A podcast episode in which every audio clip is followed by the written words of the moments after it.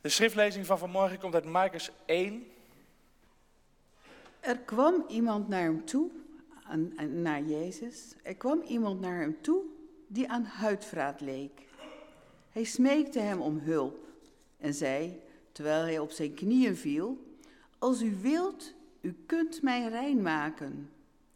Jezus kreeg medelijden, stak zijn hand uit, raakte hem aan en zei, Ik wil het, word rein. En meteen verdween zijn huidvraat en hij was rein. Jezus stuurde hem weg met een ernstige waarschuwing. Denk erom dat u tegen niemand iets zegt, maar ga u aan de priester laten zien en breng het reinigingsoffer dat Mozes heeft voorgeschreven als getuigenis voor de mensen. Maar toen de man vertrokken was, ging hij overal breed uit rond vertellen wat er gebeurd was. Met als gevolg dat Jezus niet langer openlijk in de stad kon verschijnen, maar op eenzame plaatsen buiten de steden moest blijven. Toch bleven de mensen van alle kanten naar hem toekomen. Gemeente van onze Heer Jezus Christus, door God geliefde mensen. Zou u het wel kunnen? Probeer het mijzelf wel eens in te beelden. Zou ik het zelf wel kunnen? Wat nou als ik het was geweest? Had ik het dan wel gekund? Zou u uw mond kunnen houden als er zojuist een wonder is gebeurd dat zijn weergaan niet kent? Een wonder dat je leven volledig op zijn kop zet? Zou u het kunnen om het dan niet rond te gaan bazuinen? Als de Heer Jezus dat aan u vroeg?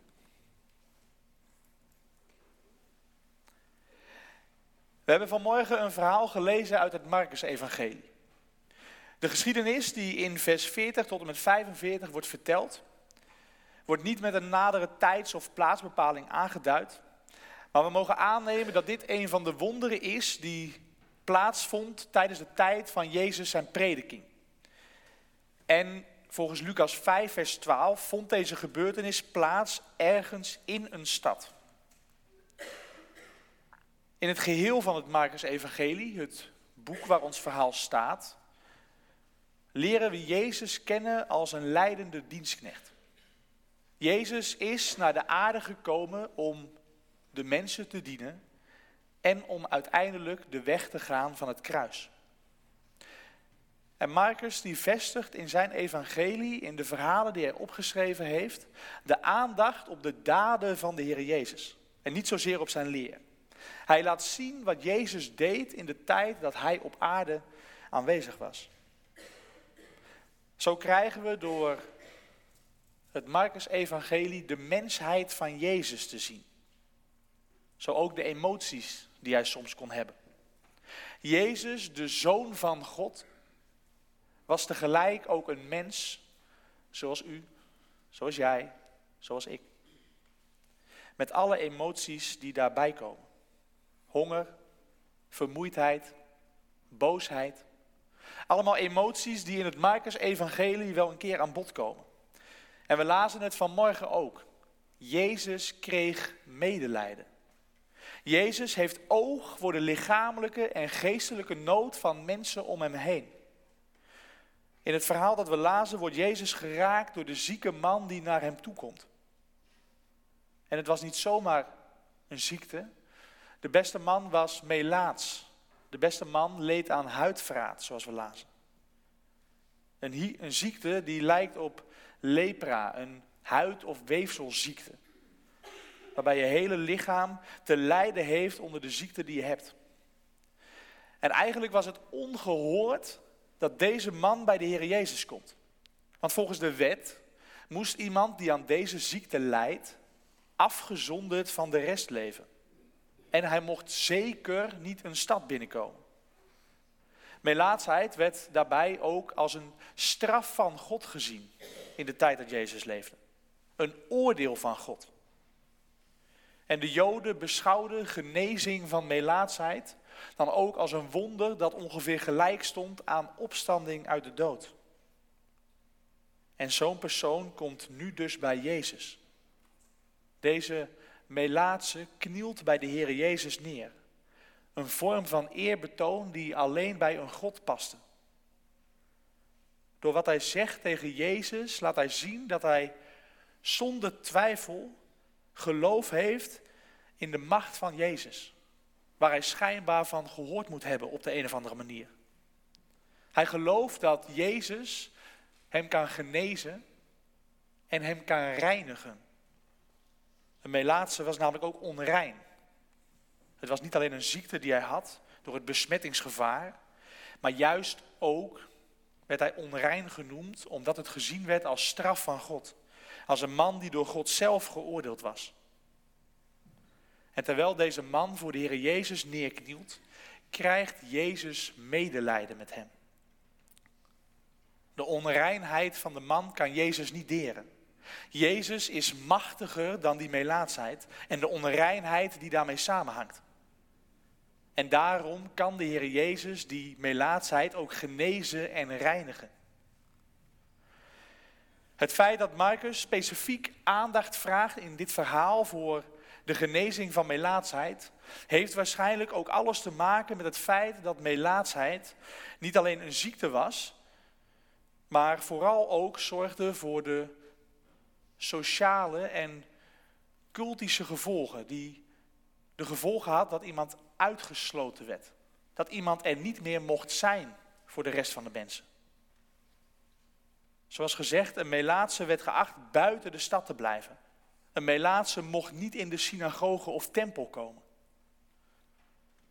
Een Melaatse moest zijn kleren scheuren en als hij onverhoopt toch iemand tegenkwam, moest hij beginnen te roepen, onrein, onrein.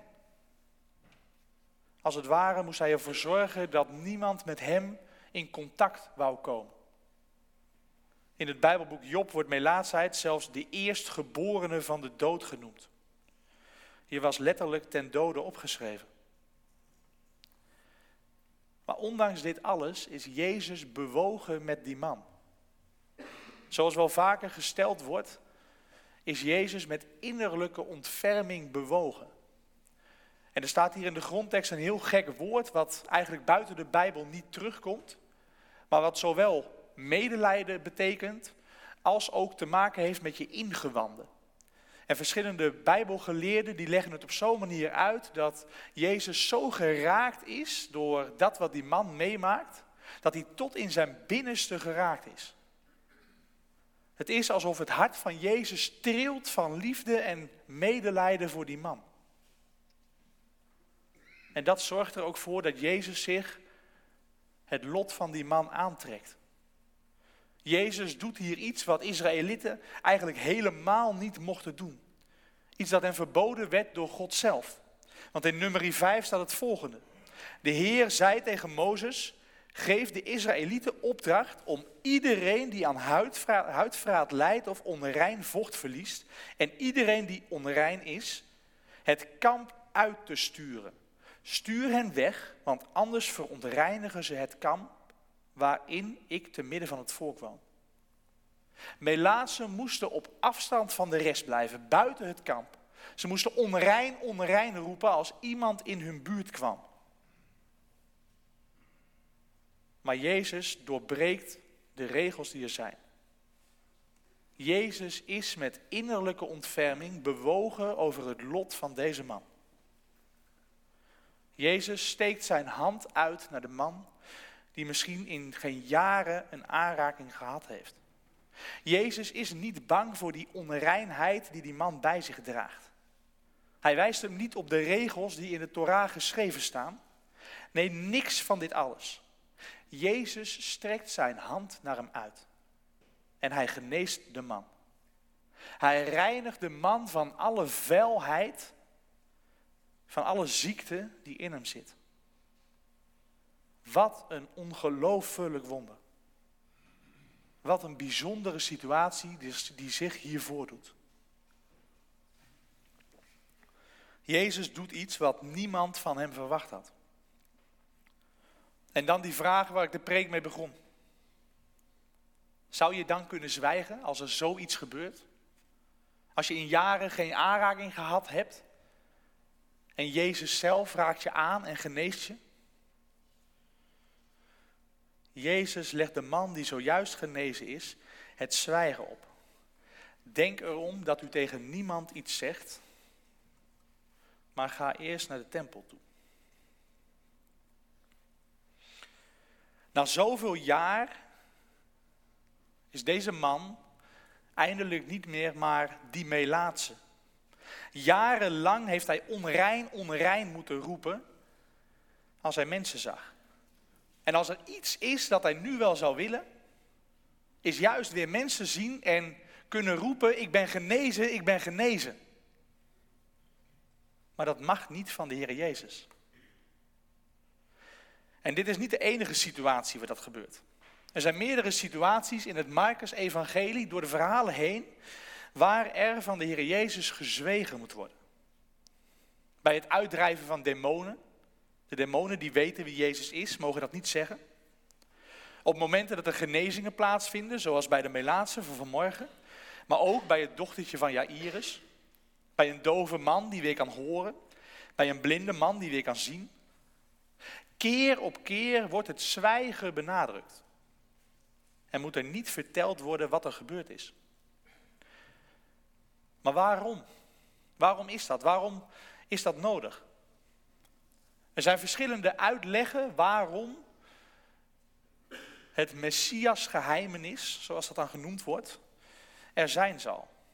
De meest gangbare overtuiging is dat Jezus zich op dit moment in het evangelie, op dit moment in zijn prediking, nog niet zou willen openbaren.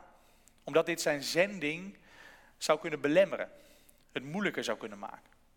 Juist omdat hij het populaire Messiasbegrip, dus hoe de mensen dachten dat de Messias zou zijn die zou komen, omdat hij dat op een andere manier in zou willen vullen.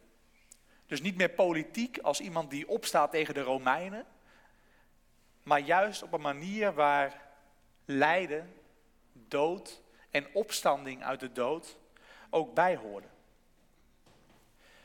Andere mensen stellen dat Marcus als schrijver van het evangelie zelf verantwoordelijk is. Dat hij het Messias geheimenis als het ware toegevoegd heeft aan de tekst. En ze geven daar dan wel weer zeer diverse redenen voor. Marcus zou allereerst willen reageren tegen de verkeerde of eenzijdige messiaanse opvattingen. Van mensen die niet de gekruisigde Jezus benadrukten. Maar anderzijds probeert Marcus ook, zou Marcus ook willen laten verstaan dat het Gods eigen bedoeling was dat Jezus nog niet herkend werd.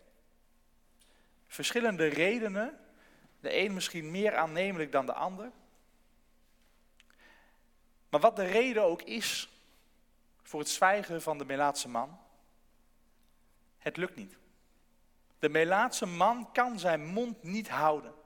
Het wonder dat Jezus in zijn leven heeft verricht, dat moet hij vertellen.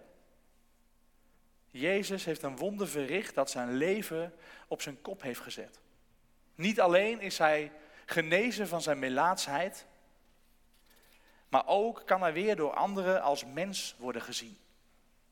Jezus heeft de man gereinigd van wie hij was. De ontmoeting van Jezus met die anonieme Melaatse man, die door iedereen slechts als die Melaatse man werd gezien, onthult een van de diepste kernen van het evangelie. De Melaatse man kwam als uitgestotene naar Jezus toe. Hij werd aangeraakt door Jezus en hij werd gereinigd. Jezus is de leidende dienstknecht die onze ziekte en onze smarten op zich neemt. Zoals al gezegd werd in Jesaja 53. Het feit dat Jezus de Melaatse wil genezen, betekent dat hij de dood en de zonde niet wil laten bestaan. En daarmee vertegenwoordigt hij zijn vader. Het feit dat Jezus de Melaatse kan genezen, betekent ook dat hij macht heeft over dood en zonde.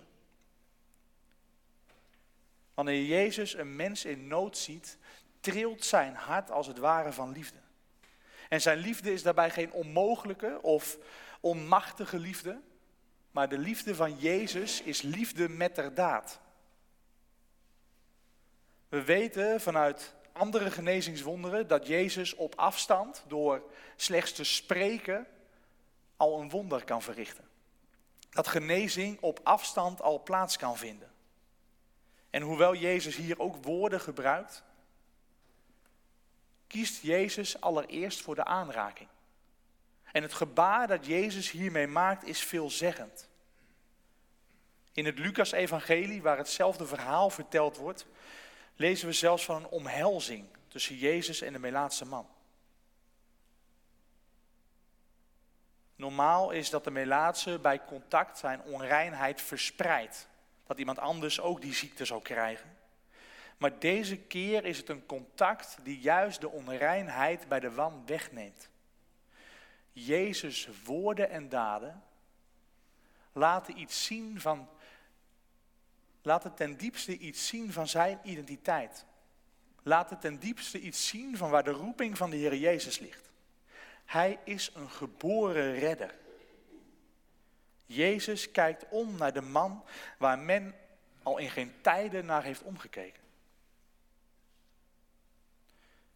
Door dit wonder laat Jezus zien dat je nooit te slecht, nooit te zondig of te gebroken voor Hem bent. Voor de Heer Jezus bestaan geen hopeloze gevallen. En dat biedt hoop en verwachting voor de buitenbeentjes in de maatschappij. Voor hen die niet gezien of zelfs bewust vermeden worden.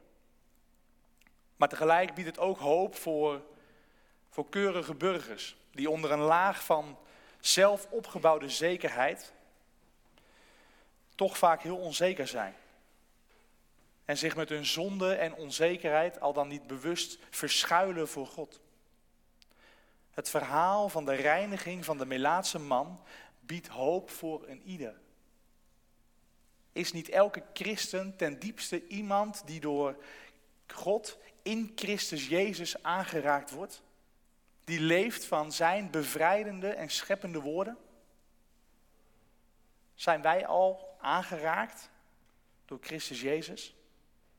Bent u al zo aangeraakt door Christus Jezus? Heeft Jezus ons al gereinigd? De komst van Jezus naar de aarde heeft alles te maken met het willen reinigen van mensen. Jezus strekt zijn hand uit. Hoe vuil je ook bent. Wat voor ellende er in je leven misschien ook wel gebeurt of nog kan gebeuren. Jezus strekt zijn hand naar je uit. En dichterbij komen dan dat kan niet. Jezus is mens geworden. En in zijn mensheid strekt hij zich naar ons uit. En dat vraagt ook om een reactie van ons. In Marcus 1 zien we de eerste stap van geloof al gezet worden. De overtuiging dat Jezus een wonder kan doen. De Melaatse die bij Jezus kwam geloofde dat als Jezus het zou willen, hij een wonder kon verrichten. In vrijmoedigheid naderde hij tot Jezus. Ondanks dat dat misschien niet kon. En net zo mogen wij vandaag de dag in vrijmoedigheid naderen tot God. Zoals we kunnen lezen in Hebreeën 4. En daar kunnen we ook zien, daar komen we tot de ontdekking dat het niet aan ons ligt. Jezus is degene die reinigt. Als Hij het wil, dan gebeurt het. Het is niet iets dat wij zelf af kunnen dwingen. Jezus laat in het wonder van de Melaatse man, van de genezing van de Melaatse man, echte grootheid zien. Door om te kijken naar diegene waar niemand naar omkijkt. Hij strekt zijn hand uit naar diegene waar nooit een hand naar werd uitgestrekt. Jezus kwam om te dienen. En daarin is Jezus ons voorgegaan in echte dienstbaarheid. Jezus kwam om te reinigen. En vanuit de dankbaarheid voor zijn leven en sterven, voor de reiniging van ons mensen, mogen we iets van die dienstbaarheid ook weer uitleven hier op aarde. Mogen wij als het ware zijn handen en voeten zijn. Mogen we ons best doen om Hem na te volgen. Om net als Hem om te kijken naar hen die het nodig hebben dat er naar hen omgekeken wordt. Dat mogen we omdat we geloven in een Christus die mens werd. In een Christus die ons reinigt. Door zelf de straf te dragen van onze vuilheid, van onze zonde. En als je dat beseft, als dat binnenkomt, als je je zo door Christus aangeraakt weet, dan kun je niet zwijgen. Dan kun je dat niet voor jezelf houden. We zongen het al met het kinderlied. Vertel het aan de mensen wie liefde geeft. Vertel het aan de mensen dat Jezus leeft. Amen.